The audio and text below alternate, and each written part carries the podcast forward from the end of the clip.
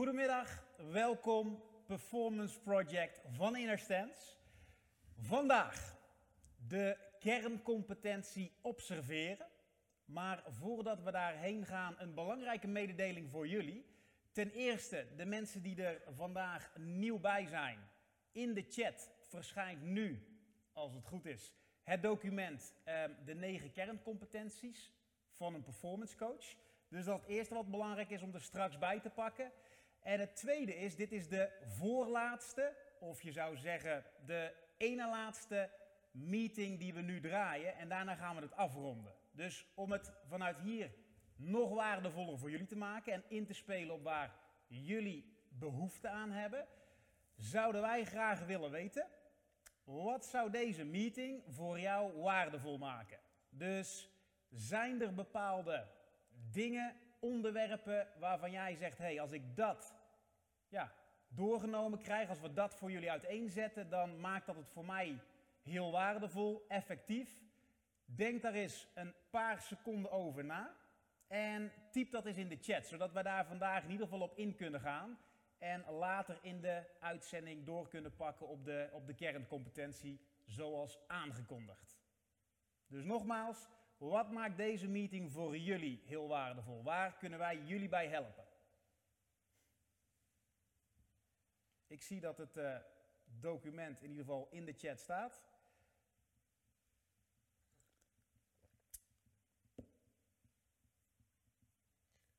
Nou. Als jij nou zegt, maar dit doe ik niet alleen, dit doe ik samen met Johan, dan ga ik spreken. Ah, en voor degenen die denken, goh, wie is die man naast mij? Vorige keer aangekondigd als de hè, sterspeler uit de Champions League binnen performance coaching, Johan van der Put. Mooi, mooi, heel goed, dankjewel. Um, dankjewel voor deze schitterende introductie. Mensen zijn nog waarschijnlijk aan het, uh, aan het typen. Uh, of de helft zit aan de andere kant van de lijn en vraagt zich af: huh, wat, maakt deze meeting eigenlijk waardevol? En dit heb ik geleerd van Tommy, ik er heel eerlijk in zijn. Tommy is het opgevallen dat er drie manieren zijn waarop mensen in dit soort meetings komen opdagen. En de eerste is voor fun en entertainment. Goh, van drie tot vier, ik heb eigenlijk toch niks te doen. Uh, ik heb geen cliënten staan op dat uur, dus nou, laat eens kijken wat het is. Ik was net klaar met, uh, uh, hoe heet die serie ook alweer? die bekende serie. Ja, in welke context? Ja, ik heb geen idee. Zo'n Netflix-serie. Ja, goede tijden, slechte tijden. Daar heb ik gekeken, dus nu heb ik niks te doen, dus dan doe ik dat. Voor fun, komen opdagen voor entertainment. Dan heb je een doelgroep die is net wat serieuzer. En die komen in een seminar terecht of in een uh, podcast of in iets zoals dit. En die komen voor nieuwe informatie. Die gaan luisteren naar, hmm, wat is het wat ik nog niet weet, wat me zou helpen bij het uitbouwen van mijn business? En Tommy zal zeggen, uh, dat is een hele mooie academische instelling, een hele mooie theoretische instelling. Maar zoals jullie weten, het grote probleem bij mensen is überhaupt dat ze zich niet gedragen naar de kennis die ze hebben. Dus hoe waardevol is voor de meeste mensen nieuwe informatie? En als je eerlijk gaat kijken, dan is het vaak geen informatie wat ontbreekt, maar transformatie. Namelijk, de persoon heeft zichzelf nog niet gebouwd of nog niet gecreëerd als iemand die doet wat hij weet. En laten we eerlijk zijn, voor een ieder geld hier, als je meer doet van dat wat je weet, heb je ook meer succes. Of zoals ik denk dat jij het was, Tommy, een aantal meetings geleden, zei 80% van jouw resultaat komt waarschijnlijk vanuit 20% van je acties. Als je dat weet en die 20% die bouw je uit naar 40, dan ben je in staat te verdubbelen wat je nu doet. Dan heb je de derde manier waarop mensen komen opdagen en dit is eigenlijk waar het om draait. Die komen opdagen voor hun leven. Namelijk, dit gaat over jouw leven. Er is niemand die tijd vrijmaakt om nu te luisteren. Die zegt, nou mijn leven is perfect zoals het is. Ik wil niet dat er iets verandert. Want dan zou je ook niet online zijn. Dus iedereen komt hier om iets te veranderen in zijn of haar leven.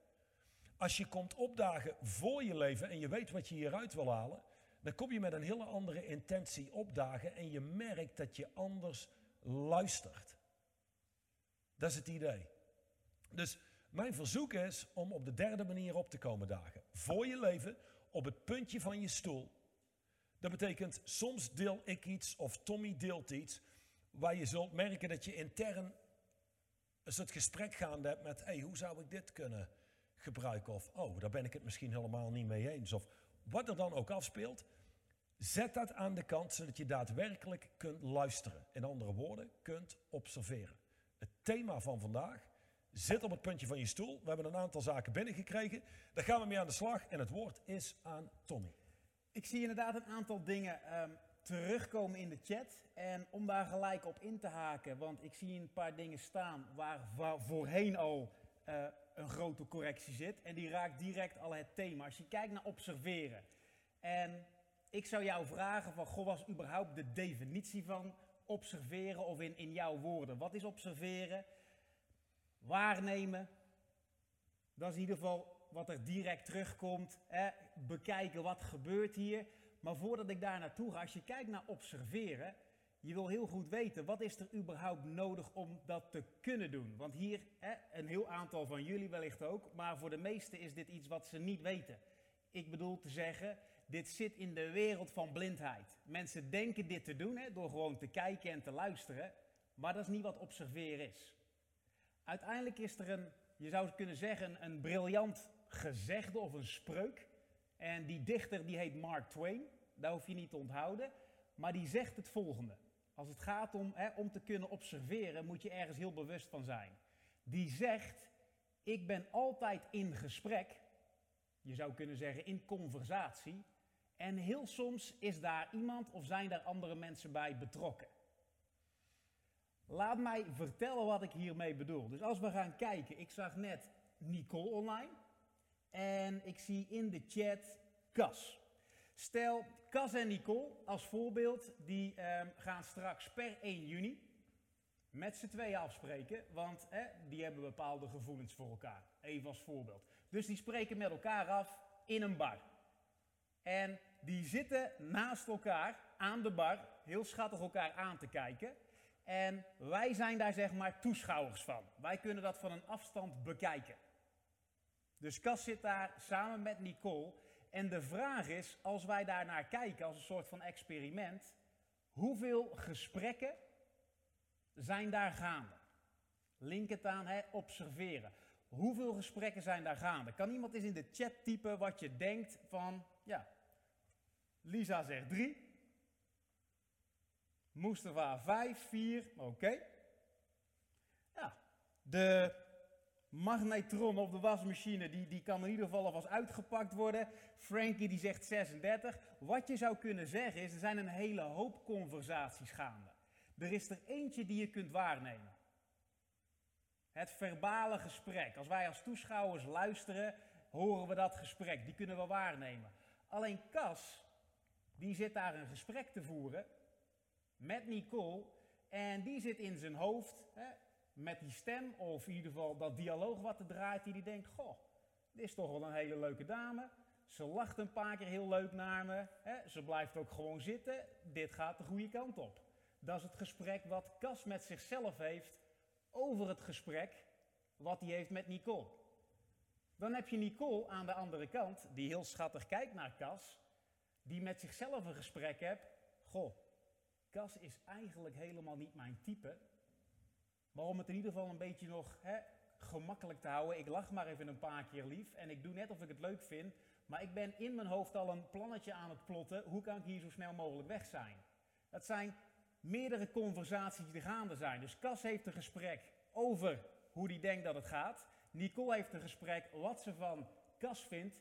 En ze hebben ook een gesprek met elkaar die wij kunnen waarnemen. Je zou kunnen zeggen, er zijn er drie, maar er zijn veel meer conversaties gaande. Cas denkt, dit loopt lekker. Nicole denkt, dit loopt helemaal niet lekker.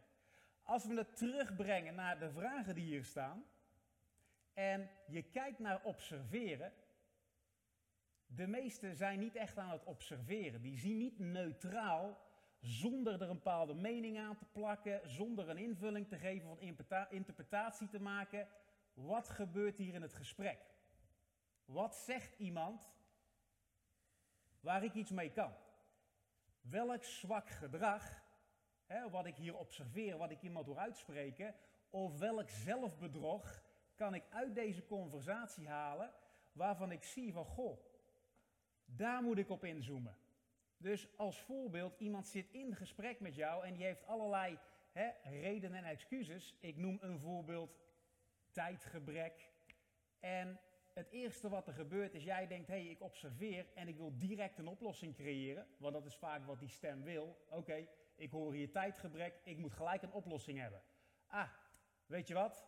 We hebben een zwart boek, een briljant boek. Daar zit een distinctie in, tijd versus prioriteit.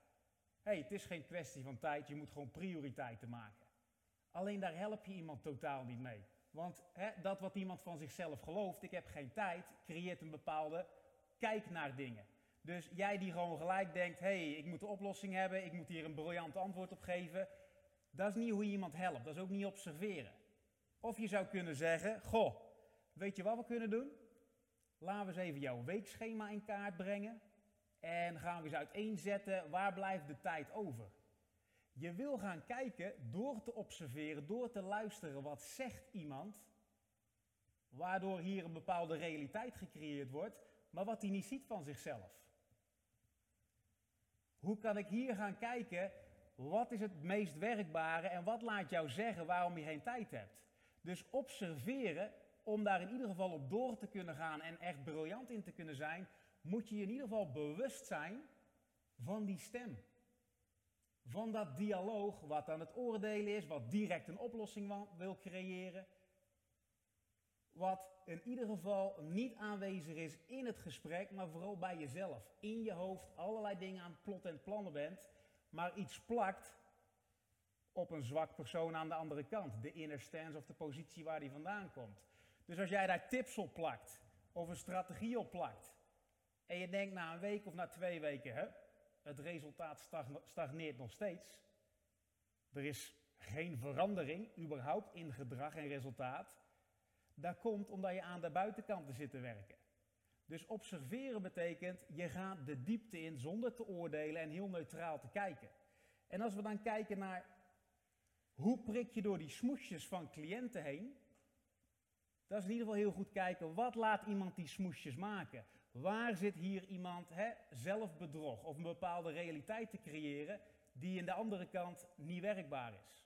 Dus terug observeren kan alleen als je in staat bent uit je hoofd te zijn, in het gesprek te zijn en heel goed te observeren en te luisteren wat zegt iemand, wat consequenties heeft.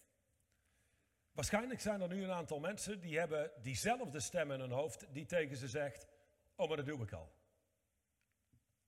Um, namelijk, om te kunnen observeren, zul je uit je hoofd moeten zijn en dan zie je wat er werkelijk gaande is aan de andere kant. Maar wat gebeurt er?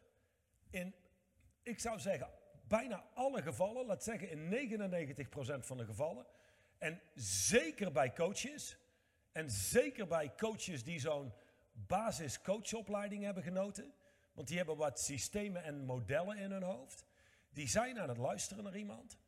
En terwijl ze luisteren naar iemand, is er hier een conversatie gaande over wat daar iemand aan het vertellen is. Oh ja, ik weet al lang wat het is, dat is dit. Ja, en dan gaan ze weer heel even luisteren en dan zegt iemand weer iets. Ja, ja, ja, nou, voor mij is dat lastig, ik heb geen tijd. Oh ja, tijd is geen prioriteit. Goh, dan moet ik hem daar ook even vertellen, moet ik goed onthouden. En zo zijn ze meer in gesprek met zichzelf dan dat ze überhaupt horen wat er aan de andere kant gebeurt. Maar het, het ding is dit, die stem in ons hoofd, wat die stem doet, is die maakt altijd automatische meningen. Aannames. Dat is wat die stem doet. Hij is zo onzichtbaar dat mensen gehypnotiseerd zijn door die stem, maar denken dat ze aan het luisteren zijn. Het grote probleem is, je bent niet aan het observeren, maar wat er gebeurt is projecteren. En dit gaat zover als, ik ken een, uh, een seminar wat draaide in de jaren 70. Zal vandaag de dag nooit meer kunnen. Um, maar, maar dat geeft het weer. Die kwamen, zo'n trainer, die kwam toen de tijd naar het podium lopen. En nog voordat hij op het podium was, had hij al het volgende gedeeld met de mensen. I want you guys to know that you are just a bunch of assholes. Jullie zijn gewoon eikels. En het volgende is belangrijk om te weten. Ik sta hier op het podium en jullie zitten in de zaal. Jullie denken dat je leven werkt, maar je leven werkt niet. Dat is waarom je hier zit. Ik ben heer en meester in deze zaal en jullie zijn eikels. Nou, let op wat er gebeurde. En dit deden ze expres, on purpose. Dan was er altijd wel iemand die zijn hand opstak en die zei: Hoe disrespectvol zijn jullie? Ik word hier gewoon uitgescholden en ik heb geld betaald voor deze meeting. Waarop die trainer zei: Wacht even. Disrespectvol.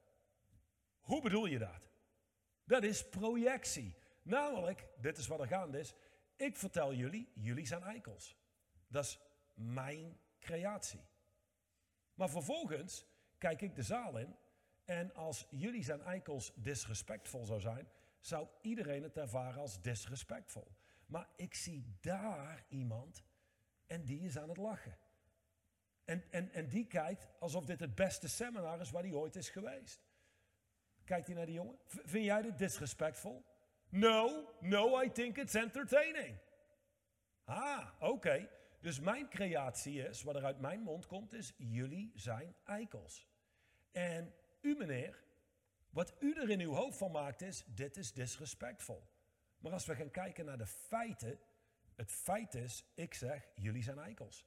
Op zichzelf betekent dat niks, maar jij laat het betekenen, disrespectvol. Dat is de conversatie die jij hebt met jezelf over wat ik zeg. En dan vervolgens zit daar iemand en die hoort het en die heeft een conversatie met zichzelf over, hey, dit is het beste ooit. Dus dat zijn jullie creaties. Dit is jouw projectie naar mij toe. En dat is jouw projectie naar mij. Nu, jouw projectie met dit is disrespectvol werkt niet heel goed als je hier nog drie dagen moet zetten. En zijn projectie met hey, dit is tof, werkt een stuk beter. Dan houdt hem wat meer aan de slag. Maar dan zou hetzelfde zijn als dat iemand hier zou zeggen: Ik weet niet, die opname van vandaag, ik vond hem niet zo goed, ik vond hem saai. Dat kan niet. Ja, dat kan wel. Je kunt het ervaren als saai, maar dat heeft niks te maken met wat er hier gaande is. Dat heeft te maken met wat er intern bij jou gaande is over wat hier gaande is. Dus als iemand zegt, deze meeting was saai of deze vond ik minder dan de ander, dat is projectie. Je hebt dat wat hier gezegd wordt. En dan heb je dat wat jij plakt, het verhaal wat je plakt, de mening die je geeft aan wat hier gebeurt. Dus je kunt zien hoe de meeste mensen verstrikt raken in die conversaties in hun hoofd. En een ieder die hier zit en denkt, Johan, geloof me, ik heb dit al gehoord, ik werk met die en die coach van jullie, of, en ik weet hier al van, ik heb dit al. Ook dat is de stem in je hoofd die het zegt. Ik zal vertellen hoe dit werkt. Dus ik ga even naar de chat en dan zie ik hier staan, Jack, wat gezichtsuitdrukkingen en of wegkijken tijdens een gesprek betekenen en hoe je hierop kunt sturen. Het antwoord is, Jack zit in een gesprek en die kijkt naar iemand en die persoon kijkt weg. En dat creëert bij Jack een conversatie met, hé, hey, wat gebeurt hier? Wat betekent dat? En iemand die fronst een keer, doet dit. En dat creëert bij Jack een conversatie met, hé, hey, wat betekent dit? Daar is iets gaande, ik wil weten wat het betekent. Het antwoord is, Jack, ik heb geen flauw idee. Eén, ik ben geen lichaamstaal-expert. Ik ken een heel aantal mensen die dat wel roepen, maar zijn ook geen experts. Dan sta je zo. Zeggen ze, ja, is gesloten houding. Maar als je echt een expert spreekt, zou zeggen, oh nee, nee, dat gebeurt. Maar het is ook gewoon een comfortabele houding om in te staan. Dus dat is een hele andere wereld. Daar willen we niet eens in. En als je kijkt naar straight line is het ook niet nodig. Want namelijk alles zit in mensen hun spreken. Het is een kwestie van heel diep luisteren. En echt observeren, wat is daar gaande aan de andere kant van de tafel? En daarvoor zul je moeten negeren wat er hier in jouw hoofd gebeurt, over wat daar gaande is aan de andere kant van de tafel. Maar denk maar eens na, wie kent het volgende? Je zit in gesprek met een potentiële cliënt. Iemand die wellicht met je wil gaan werken. En of het nou is, we willen zakelijk impact maken of wat dan ook. Dan ben je in gesprek En dan heb je zo'n gesprek met jezelf met, oeh, dit gaat goed. Dit zou zomaar eens iemand kunnen zijn die ik in ga schrijven. Man, ik zit er goed in vandaag. Wie herkent dat? Channel wel. Oké, oké. Ja, wie herkent dat hij wel eens in een prospectgesprek zit en denkt: Jezus man, dit gaat echt nergens naartoe. Dit gaat niks worden. Wie herkent dat? Ja, oké. Dan nu het volgende. Wie heeft wel eens opgemerkt dat je kunt een bepaalde conversatie intern hebben met, ja, dit gaat niks worden. Maar vervolgens schrijft iemand toch in, of andersom, oh my god, dit wordt een succes, dit gaat lukken. En dat iemand dan niet inschrijft. Meegemaakt? Ja. Dus wat maakt je krachtig, zijn niet die conversaties die hier gaande zijn, is juist die als het ware uit je hoofd kunnen tillen en verplaatsen naar achter zodat je werkelijk hoort wat er daar gaande is. Werkelijk hoort. En het probleem is wat de meeste mensen ineffectief maakt. En dan ga ik in op. Oh, even kijken, zie hier staan. I. Willems heeft daar microfoon aan staan. En ze praten er helemaal doorheen. Ik kan hier niks horen, dus ik heb geen idee of dat al opgelost is. We horen Mandy, dat is lastig lijkt me, want die zit op kantoor bij ons zonder microfoon. Maar ik geef het terug. Oh ja, ja, ja, ja. Iemand zegt hier trouwens door bullshit heen prikken. Als bijvoorbeeld ik heb geen geld of ik vind het te duur. Hetgene wat je wil is niet jij die daar doorheen prikt. Want heel eerlijk, iedere reden of excuus is bullshit. De vraag is alleen, wat maakt iemand belangrijker? Maar belangrijker is dat jouw cliënt daar doorheen leert prikken. Dat hij zelf begint te zien welke zelf gecreëerde obstakels hij of zij in de weg plaatst om te krijgen wat ze willen. Dat is wat een coach doet. Dan had ik hier nog eens staan. Um, ah, dat komt eigenlijk neer op hetzelfde. Ja, dus allereerst, hetgene wat Tommy deelt is essentieel. Dat is namelijk, merk op welke conversaties jij gaande hebt over wat daar gebeurt en over je gesprek. En die wil je als het ware soort van uit je hoofd tillen en naar achter. Met een professionele coachingterm noem je dat bracketing.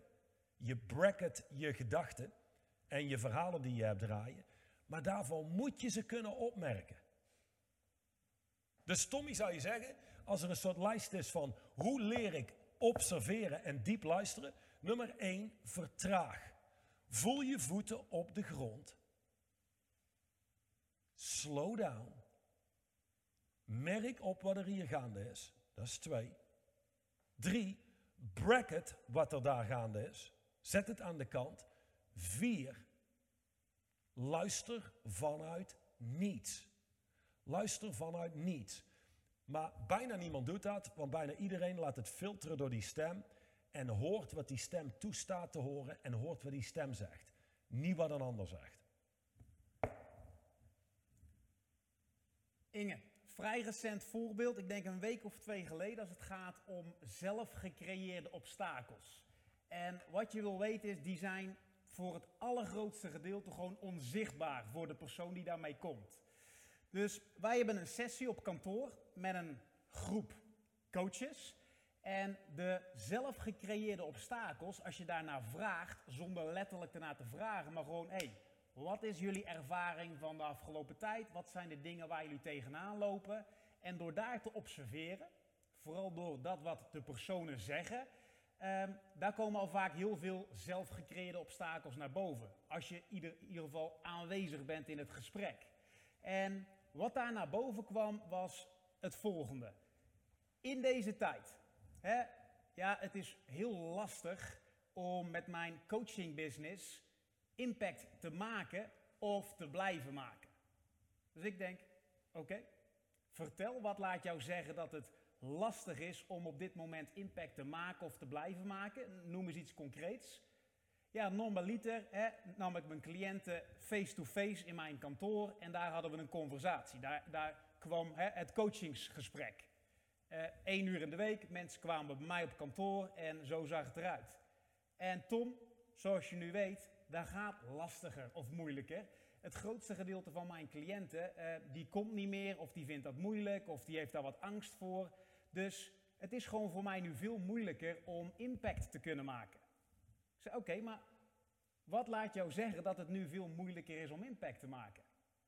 Ja, we hebben toch normaal gewoon face-to-face. Soms hebben we een, een, een langere sessie dat we zitten of een wekelijks uur en dat gaat gewoon niet meer. Ik zou, dat goed dat je dat zegt. Dat is ook best wel geinig dat je dat zegt. Want ik spreek een aantal dagen geleden hiervoor een dame waar ik mee werk. Die heeft een IM-programma waarin ze mensen coacht op persoonlijk en zakelijk resultaat. Volledig online. Volledig online. Via een Zoom of een team of een andere manier. Maar die heeft het afgelopen jaar, want ik vroeg dat aan haar, 73 programma's verkocht. Met een factuurwaarde van 1350 euro. Dus die heeft in het afgelopen jaar, 2020, waar de meesten een soort van hè, onbewust obstakel gecreëerd hadden. Dit is allemaal moeilijk en lastig, want ik moet mensen fysiek bij me hebben, dan maak ik meer impact. Die creëert 73 programma's online. Ah, 1350 ah, euro. 1350 euro. Dus als jij van jezelf gelooft, hè, en dat is onzichtbaar of transparant voor iemand, ik kan alleen impact maken als ik ze tegenover me heb zitten, dat is dat obstakel en dat zelfbedrog wat iemand creëert. Maar dat is niet zichtbaar voor zo'n persoon. Maar dat creëert wel de realiteit van, ja, shit, dit wordt lastiger nu, ik kan niks. En nu? Dus wat moet iemand geloven hè, om te zeggen, ik kan nu niks? Is puur kijken vanuit, ik kan alleen maar impact maken fysiek. En aan de ene kant kan je iemand in één keer laten zien, hé, hey, je kan ook online impact maken. Als je kijkt naar onze cliënten, de conversaties die wij hebben, die zijn gewoon via de telefoon. De lidmaatschappen die we draaien zijn voor het allergrootste gedeelte gewoon online. En zoals hier ook, de impact die we maken is ook gewoon online. In deze omstandigheden. Ik zeg niks anders, Johan zegt niks anders, als dat we live met jullie zouden zitten. Dus het is vooral wat iemand in zijn hoofd heeft, of volledig niet ziet van zichzelf. Dus door middel van coaching wordt dat zichtbaar gemaakt en wordt in één keer de mogelijkheid gecreëerd van, goh, hoe zou je kijken en hoe zou je het zien als je op die manier bepaalt je business in te richten? Of iemand gebruikt het, of je zou zeggen misbruikt het, als een soort van hide behind, van nee, dat gaat allemaal niet en dan hoef ik dat ook niet te doen. Dus uiteindelijk is het gewoon heel goed luisteren naar wat zijn die verborgen obstakels die iemand onbewust creëert, die consequenties hebben. En die zichtbaar maken door de diepte in te gaan en vanuit daar te kijken, oké, is dit een aanname die je doet? Is het een bepaald verhaal wat je creëert? Of kunnen we gaan kijken wat zijn wel de mogelijkheden binnen deze omstandigheden? 70 à 73 programma's verkopen van 1350 euro in een jaar, waar de meeste coaches denken, oh nou, dit is allemaal kloten en ik hoop dat het zo snel mogelijk voorbij is. Het kan gewoon. Als je bereid bent gewoon kritisch te kijken en de dingen te stoppen waarvan je wellicht steeds meer gaat zien, ah, dat is onzin, dat is een excuus, dat is een hide behind. Wat kan er wel? Als jij als coach competent bent, en dit is een verder uitgebreider antwoord op de vraag van Inge, kun je een voorbeeld geven hoe je een cliënt zelf door een obstakels heen laat prikken? Absoluut. Um, ik had een keer een man aan de lijn. En die zegt, ja Johan, we hebben echt een, we hebben een groot probleem. Ik denk zelfs dat ons bedrijf dit niet gaat overleven. Namelijk, onze, ik, ik weet niet meer precies hoe de functie heette. Um, laat zeggen dat ze een engineer nodig hadden. Um, die goed was met AutoCAD, is zo'n ontwerp-tekenprogramma. ja. Ja, en... AutoCAD. Precies. En, en die, zegt dus van ja, weet je, maar, maar het is heel moeilijk om zo iemand te vinden. Hm. Oké. Is dat een feit of is dat jouw mening? Hoe bedoel je? Nou ja, het is moeilijk om daar iemand voor te vinden. Oké, got it. Luister. Um, Inge, als ik jou vraag om mij een glas water te laten zien, heb je geen enkele moeite mee. Kun je mij een laptop laten zien, een, uh, een telefoon? Dat is allemaal de zaken, weet je, hier in de fysieke realiteit. Oké, kun je mij een trui opsturen? Dat kan allemaal, tegenwoordig lukt dat. Kun je mij een boek opsturen, Straight Line Leadership? Ja, oké. Kun je mij moeilijk laten zien of beter nog opsturen dat ik er zelf naar kan kijken? Nee. Nee, dat lukt niet. Oké. Dus als jij zegt het is moeilijk om daar iemand voor te vinden, wat exact bedoel je dan? Uh, Ja, zegt hij, ja, dat is een goede vraag. Ik zeg, wat hebben jullie tot nu toe gedaan om, om iemand te vinden? Zegt hij, uh, nog, nog niks. Ik zeg, oh, oh oké. Dus, nogmaals, is dit een, een feit? Het is moeilijk om iemand te vinden, of, is dit jouw mening? Ja, nee, nee, dat is, dat is, uh, nee, ja, dat is dan toch mijn mening. Oh, oké. En vervolgens opent dat een hele nieuwe wereld. Zegt hij, weet je trouwens wat? Ik heb een jonge, jonge jongen zitten van 24. Net afgestudeerd, universitair, bla bla bla. Ik denk dat die dat zo onder controle heeft. Dat zou eigenlijk um, voor hem een andere functie zijn, maar één hoger dan hij nu zet. Ik, ik denk dat hij dit wel wil gaan doen. Oké. Maar denk ook aan het volgende. Goh, Inge, ik zou heel graag met je willen gaan werken, maar goh, heel eerlijk, ik vind eigenlijk een hele hoop geld. Nu, allereerst, een hele hoop geld. Wat de hel bedoelt iemand daarmee? Een hele hoop geld. Er bestaat niet zoiets als een hoop geld. Want ja, Tommy zou kunnen zeggen, weet je, ik vind 400.000 euro vind ik een hoop geld. Maar vervolgens staat daar iemand naast en die zegt, 400.000 euro een hoop geld. Die zegt, dat is niet een hoop geld, dat is onnoemelijk veel geld. Ik, ik vind 200 euro al veel geld. En daarnaast staat een oliesjeik en die zegt, ik heb geen idee waar jullie het over hebben, maar dat is allemaal niet veel geld. Um, ehm, 4 miljard, dan beginnen we het ergens over te hebben. Dus mensen geven je eigenlijk altijd hun mening, en nu komt die, alsof het een feit is. En een coach die geeft pushback en laat mensen hun eigen bullshit verdedigen. Wat bedoel je eigenlijk, Fred, met dit is een hoop geld? Nou ja, je vraagt 1350 euro uh, voor, een, voor een drie maanden lidmaatschap. Ik vind dat een hoop geld. Ah, oké. Oké, helder. Dat begrijp ik. En, niet maar, maar veegt eigenlijk weg wat iemand gezegd heeft. En, jij gaf aan aan mij, ik wil 10 kilo afvallen. Ik wil meer energie, meer zelfvertrouwen. Dat zou een grote impact maken op jouw gezin, op de band met je kinderen, de relatie met je partner. En je zag voor jezelf dat je zakelijk gezien gewoon met meer vertrouwen meer veroorzaakt krijgt. En tegelijkertijd zeg je, ik vind 1350 euro een hoop geld. Mag eens vragen, hoe kun je die twee met elkaar rijmen? Want ik ken mensen die zouden zeggen, hé, hey, voor dat resultaat zou ik, zou ik zo 10.000 euro neerleggen. Ja, daar, zeg je iets, uh, Inge. Hm. Ja, ja, misschien is het eigenlijk eerder... Ik, ik ben ooit bij Basic Fit geweest. Uh, dat was 16 euro in de maand. En ik had eigenlijk nog nooit, nog nooit gehoord van zoiets als dit. Maar, hm. Ja, als ik, dit, als ik dit echt zou bereiken...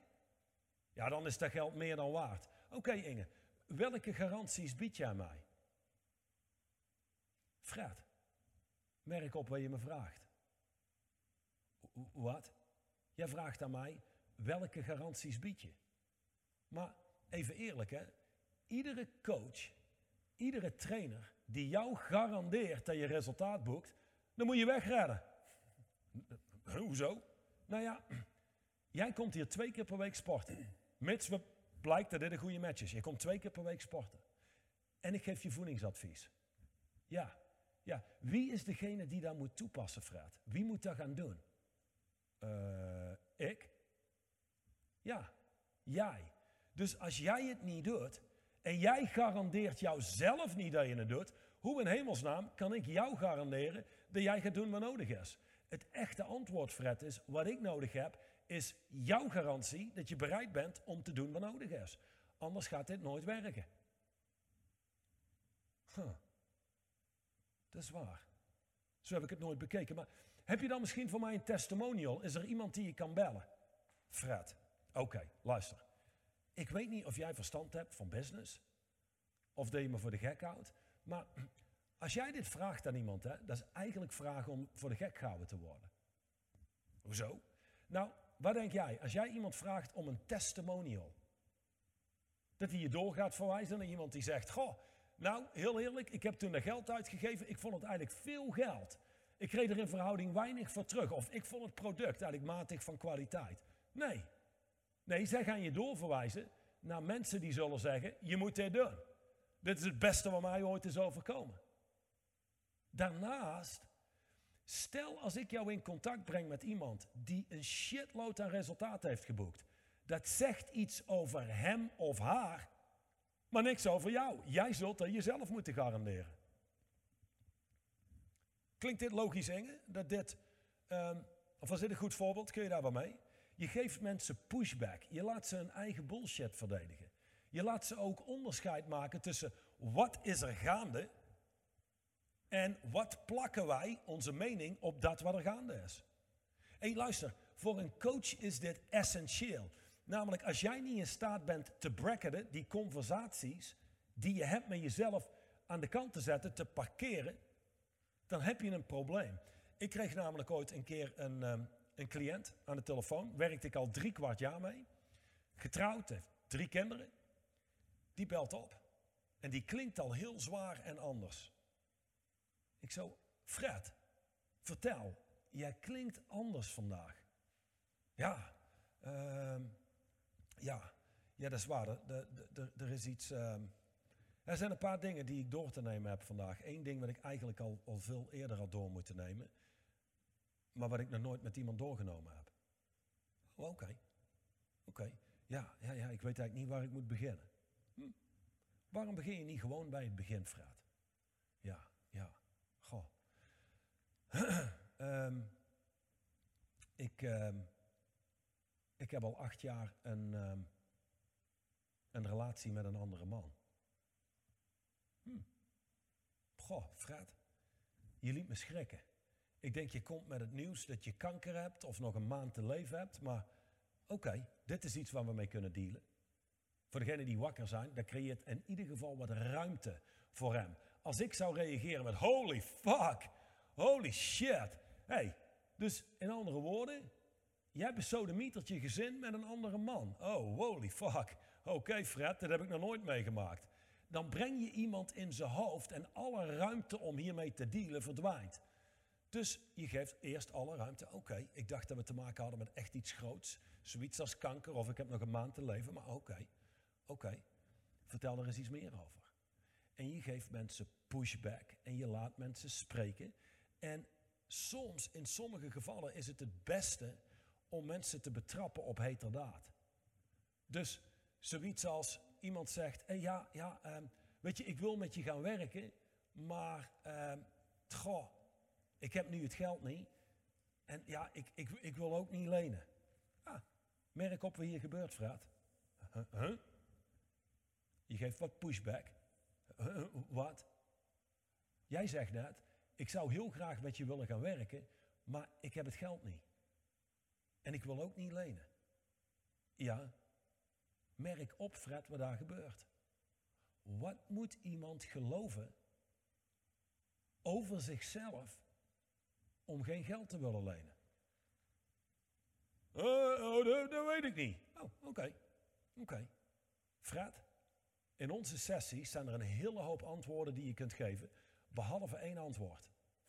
Dat weet ik niet. Is geen antwoord waar we hier iets mee kunnen. Dus kijk eens dieper. Wat als je wel een antwoord zou hebben? Wat zou je antwoord zijn? Uh, goh. Ja, uh, ja, nee, echt niet. Nee, ik, zie, ik zie het echt niet. Oké, oké. Stel, ik zou jij hier, jou hier nu een aanbod doen. Van 20.000 euro om een half jaar mee te werken. En jij ziet voor jezelf de mogelijkheid om van die 20.000 euro 200.000 euro te maken. Maar je hebt nu niet het geld om met me te werken. Zou je dan ook zeggen, ja nee, maar ik ga het niet lenen. Oh, uh, goh, 20.000 euro en naar 200.000 euro. Ja, nou, oké, ja, nee, dan zou ik het denk ik wel lenen. Ja, dus oké, wat zou iemand moeten geloven over zichzelf? Om hier te zeggen, ik wil het niet lenen. Goh, uh, ja, ik denk dat ik het niet terug ga verdienen. Ja, maar ik vind het ook wel een groot risico. Ah, oké. Maar hoe denk jij vanuit wie jij nu bent 200.000 euro te creëren. Want de persoon die je nu bent, Met hoe terughoudend je nu bent, met alle respect. Maar ik denk niet dat we in de buurt gaan komen. Uh, ja, nee, nee dat, denk ik, dat denk ik eigenlijk ook niet. Hoe, hoeveel heb je vorig jaar omgezet? Oh, maar toen begon ik net als, als business coach. Hè? Ehm, ja, vorig jaar 40.000 euro. Ah, oké. En wat geloof je nu dit jaar om te zetten?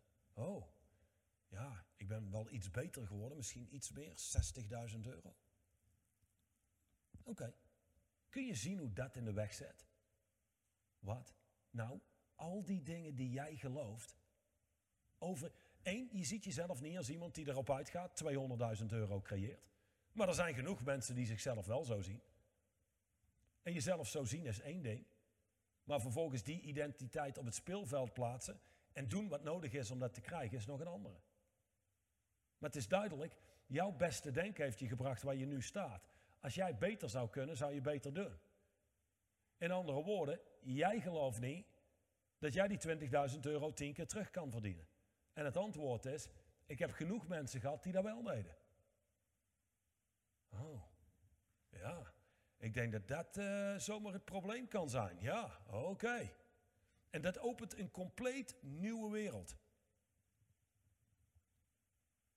Ja, ja, ja, ja, één ding. namelijk coaching. Um, als ik een coach coach, dat is overigens een pain in the ass, dus daarom doe ik daar heel weinig. En waarom is het een pain in the ass? Een coachingscliënt, gewoon een ondernemer, die coach ik max een uur per week. De grootste killers betalen voor een uur, na 25 minuten zeggen ze, dankjewel Johan, drink een kop koffie op mijn kosten, uh, ik heb werk te doen. En die hebben uit die sessie gehaald wat ze eruit willen halen en die pakken door en die leven hun leven. Maar een coach moet één, gecoacht worden.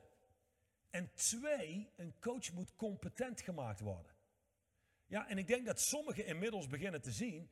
En hier in deze sessies, dat is het jammere. Um, Tommy en ik, die als dit zeg maar, dit is de tafel. En die tafel staat, ik denk, uh, wat zal het zijn? Uh, een meter twintig boven de grond.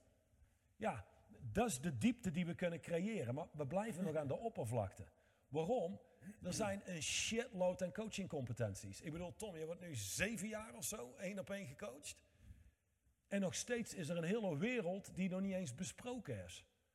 Dus je hebt een shitload aan competenties nodig. En ik zou zeggen, een goed uitgangspunt, wat al gewoon een meer, meer skin in de game geeft, is straight line leadership. En die distincties niet alleen theoretisch kennen, maar beginnen toe te passen in je eigen leven. Ervaring mee op te doen en dat over te dragen.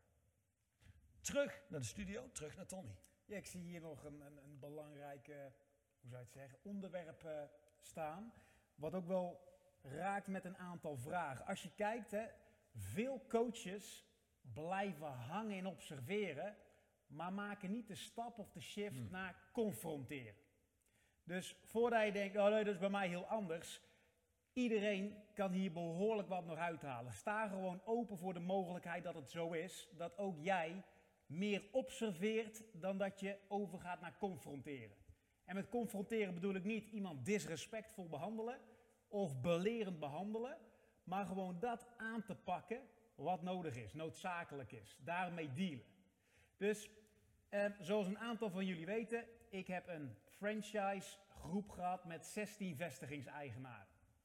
Al die vestigingseigenaren zitten vaak in de online meeting allerlei briljante observaties te delen over hun cliënt. Ja, en bij dit zie ik hier, dit, uh, dit uh, patroon, die komt opdagen in de training en ik zie gewoon aan die dame, die gaat niet voluit. Die is terughoudend, die breekt sets op, komt te laat, dan weer een blessuretje hier. De andere komt aan met, goh, derde weegmoment, het stagneert hier en daar. Er is gewoon een zwak commitment, of geen commitment zou je kunnen zeggen. Die heeft redenen, die heeft dat, daar zie ik dit. Uiteindelijk, waar ik altijd naar keek, is: oké, dat is top allemaal. Die observaties zijn briljant, hè? En waarschijnlijk dat wat je ziet, hè, daar kan je direct iets mee doen. Maar dan moet je niet tegen mij zeggen. Dan kan je hier allemaal mooi beschrijven en een soort van klagen over hè, de personen waar je mee werkt. Alleen hoe vaak heb je dat zichtbaar gemaakt? Hoe snel ben jij in staat om iets te observeren en direct te brengen naar confronteren, het aan te pakken. Gewoon eerlijk, to the point, niet disrespectvol, maar dat is vaak een heel groot gat wat daartussenin zit. Ik zie iets, ik observeer iets en ik confronteer of niet, of veel te laat. Dus als je gaat kijken naar de speed of confrontation, als je iets ziet bij je cliënt, het stagneert, gedrag matcht niet met wat die persoon weet. Hè? Nee, nee, dat weet ik al, die distinctie, uh, Tom. Het is een prioriteit, geen tijd, ja, dat ken ik. Oké. Maar wat maakt dat je iedere keer weer zegt, ik kom onvoorbereid opdagen, want hè, het is allemaal druk en hectisch.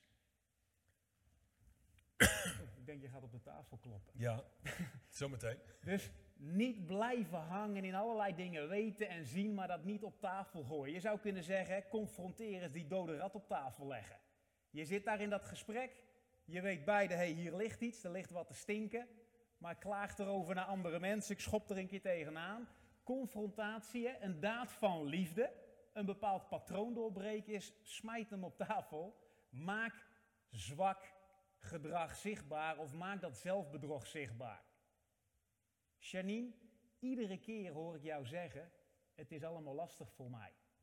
Merk gewoon op wat hier gebeurt. Als jij dat elke keer benoemt, dan kijk je ook vanuit het is allemaal lastig en moeilijk.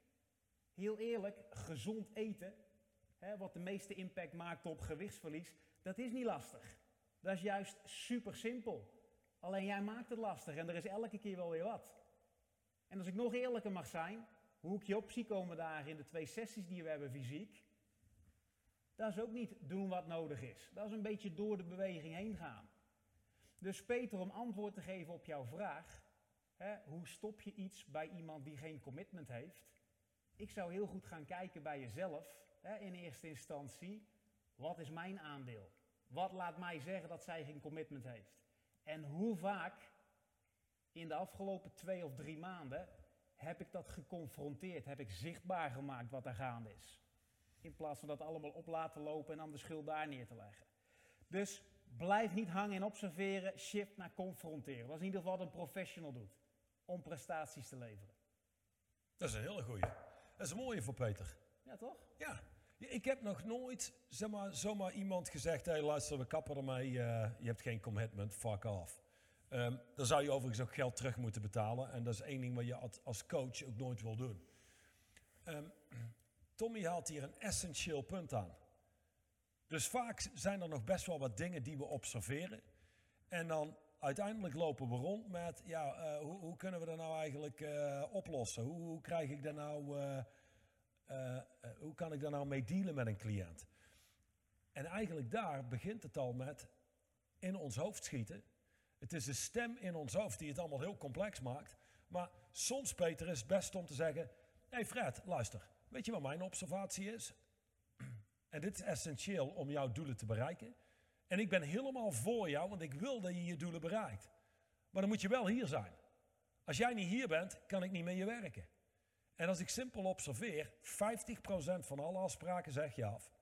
En die andere 50% kom je ongeveer de helft van de tijd te laat.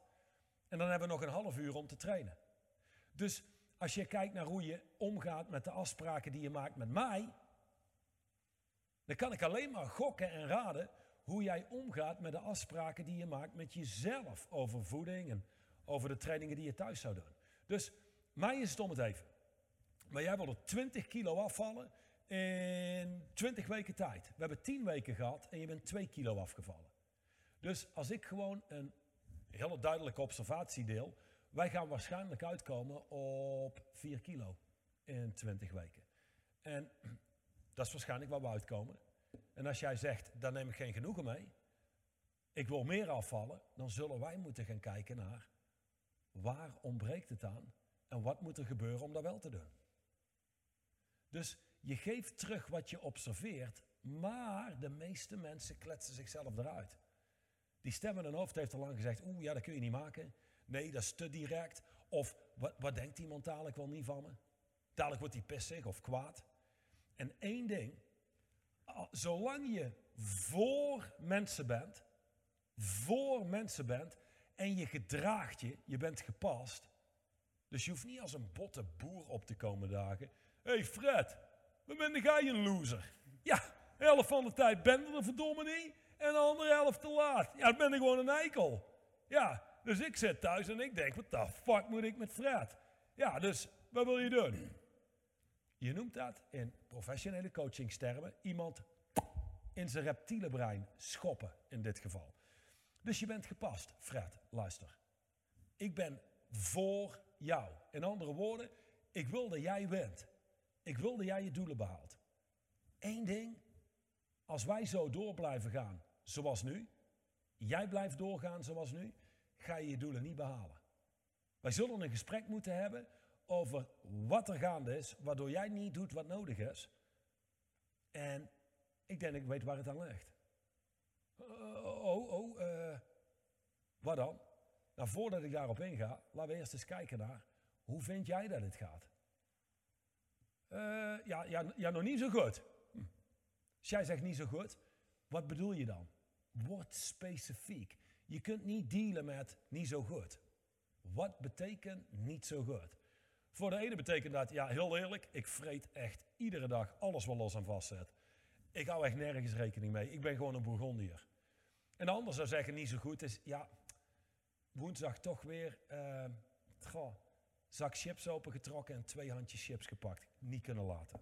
Nee, voor de verdere rest heb ik me wel kunnen houden aan het dieet, maar toch op een of andere manier, zoiets komt er altijd iedere week wat tussendoor. hey, dat is niet zo'n probleem. Maar iemand die blijft eten wat los en vast zit, dat is wel een probleem. Dus je wordt specifiek. Je doet geen aannames, je geeft pushback en je deelt je observaties. Soms is één ding al voldoende. Um, Fred of Janine. Um, hetgene wat ik merk is, de eerste vier weken kwam je hier opdagen, je was op tijd, je was gedreven. En de laatste twee weken is dat zo goed als weg. Wat is er gebeurd? En je zult merken in hoeveel gevallen dat uit in een gesprek met, goh, goh, nu je dat zegt, ik had het eigenlijk nog steeds niet zo in de gaten. Dat is wel een goede observatie. En dan vanuit daar heb je een conversatie. Je hebt geen briljante antwoorden nodig.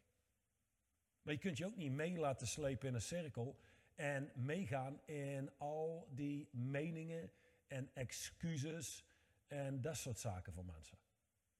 Blijf bij observeren. En als je observeert, dan zul je zien, moeilijk bestaat niet. Oh, het leven is lastig. Sinds corona is het allemaal kloten. Dat betekent allemaal niks. Ik heb nog geen idee waar het over gaat. Je wordt specifiek. Je geeft pushback. Wat is daar werkelijk gaande? Wat laat iemand zeggen, dit is lastig? Want corona, sinds corona, eh, allemaal kloten. Ik bedoel, wat is kloten? Ja, nee. Oké, ja, je, je, je, je mag geen mensen ontvangen. Maar je bent business coach. What the hell? Je hebt toch een telefoon? Je kunt toch met mensen in contact komen? Dus wat laat jou zeggen, het is lastig? Oh, uh, goh. Ja, eigenlijk wat lastig is, is dat ik zal moeten veranderen en dingen moet aanpassen om minimaal hetzelfde succes te creëren. Oh, oké. Dus wat we te doen hebben is, we zullen moeten kijken naar je werkwijze. Oké, wat maakt het nog meer lastig? Goede vraag. Uh, dat veel ondernemers uh, hetzelfde ervaren als ik, die hebben het ook lastig. Ah, oké. Maar is dat niet juist een mogelijkheid voor jou als coach? Uh, hmm. Ja, ja, ik zie wat hier gebeurt, Johan. Ja, ik projecteer gewoon mijn eigen uh, constructie. Dat, goh, het is lastig. Ja, dat projecteer ik eigenlijk op de ander.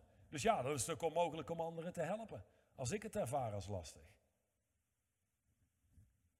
Dat is waar, Fred. Goede observatie. Wat hebben we te doen vanuit hier? Oh, ja. Ja, eigenlijk hetzelfde als normaal, alleen ik stap niet binnen. Ik pak de telefoon en ik bel.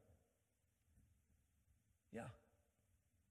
Als jij nu zou bellen, vanuit, hè, je kunt in deze tijd toch niet veel doen, het is lastig.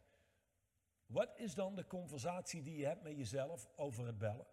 Ja, dat ik mensen lastig val, dat ik ze nodig heb. Ze het veredeld bedelen. Ah, oké. En creëert dat uh, wat drive en motivatie om te bellen? Nee, nee, niet echt. Oh, oké. Oké.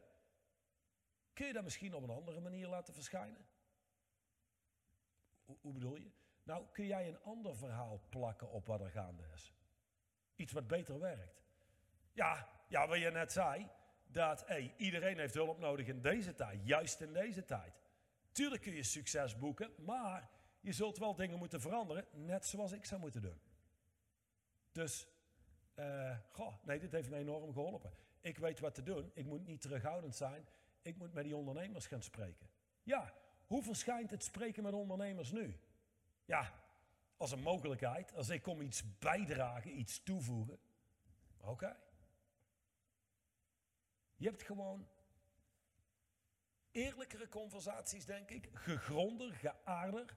Als mensen rond blijven lopen met concepten als moeilijk en lastig en uh, die medewerkers die uh, doen moeilijk of zo, daar kun je nooit mee dealen. Oké, een medewerker doet moeilijk. Wat bedoel je daarmee? Wat is er in werkelijkheid gaande?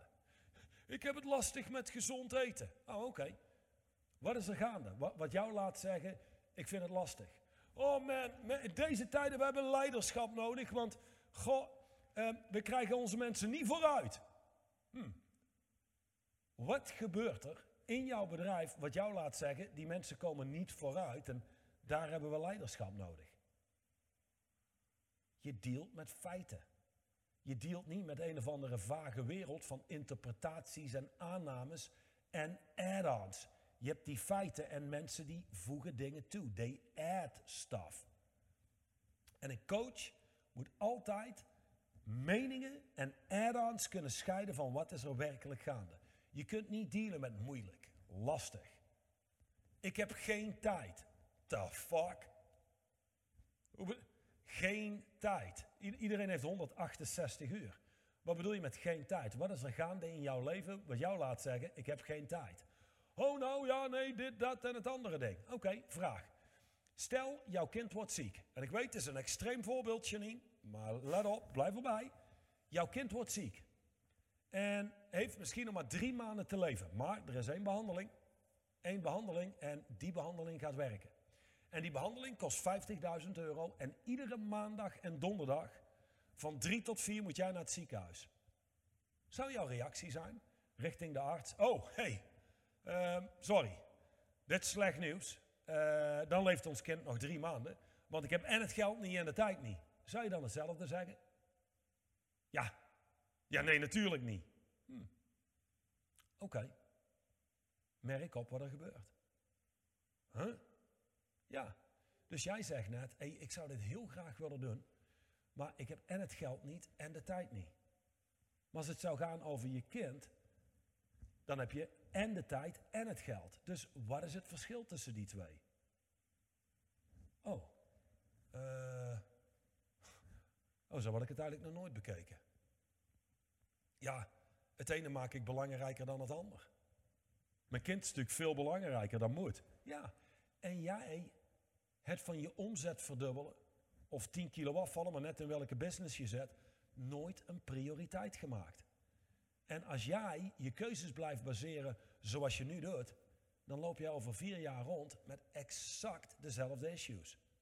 Alleen mijn ervaring, Joe, is: dingen worden vaak niet beter over tijd, maar minder, slechter. Dus als jij die keuze nu niet maakt, waar sta je over vier jaar? Oh, ja, dan denk ik dat mijn bedrijf niet eens meer bestaat. Hm. Kun jij het je eigenlijk wel veroorloven, Joe, om nee te zeggen op mijn voorstel? ik, ik denk het eigenlijk niet. Ik denk eigenlijk de enige vraag die ik heb is, waar kan ik het geld zo snel mogelijk vandaan halen? Oké, laten we eens gaan kijken. Helpt dit? Kunnen jullie hier iets mee? Zie dat wij nog één minuut hebben om jullie hè, hier voor, vooral waarde uit te laten halen, wil ik je met een specifieke opdracht uh, deze meeting verlaten uiteindelijk. Die je gaat toepassen, want daar hè, ontstaan dingen gewoon tussen de twee sessies in. Als je gaat kijken om te kunnen observeren, wil je überhaupt bewust zijn dat er een wereld is in je hoofd die allerlei dingen filtert, allerlei meningen plakt. Dus ben je bewust van een gesprek heb je uit je hoofd, zonder meningen en interpretaties. Dat is de eerste. De opdracht is, het is niet hoe moet ik dit aanpakken, wat moet ik exact zeggen, maar observeer heel goed en ga gewoon direct naar confronteren. Je hebt observaties, je ziet wellicht bij je cliënten een aantal dingen. En ga eens kijken hoe snel kan ik dit omzetten direct naar confrontatie. Niet lomp zijn, niet disrespectvol zijn, maar gewoon de dingen zichtbaar maken. De verborgen constructies, de onzichtbare obstakels, het zwakke gedrag, het zelfbedrog. Pak dat beet en leg het in het gesprek neer.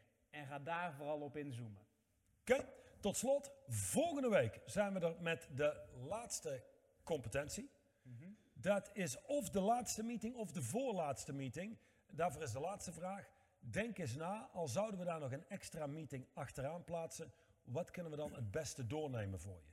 Je mag ons dat volgende week tijdens de meeting laten weten of stuur ons een mail op info, nee, waar kunnen ze ons mailen? Info at innerstands.com. Dan mail je een onderwerp, wij gaan kijken welke meeting voegen we eraan toe. En dan zien we jullie wellicht nog twee keer, maar die laatste is afhankelijk van jullie.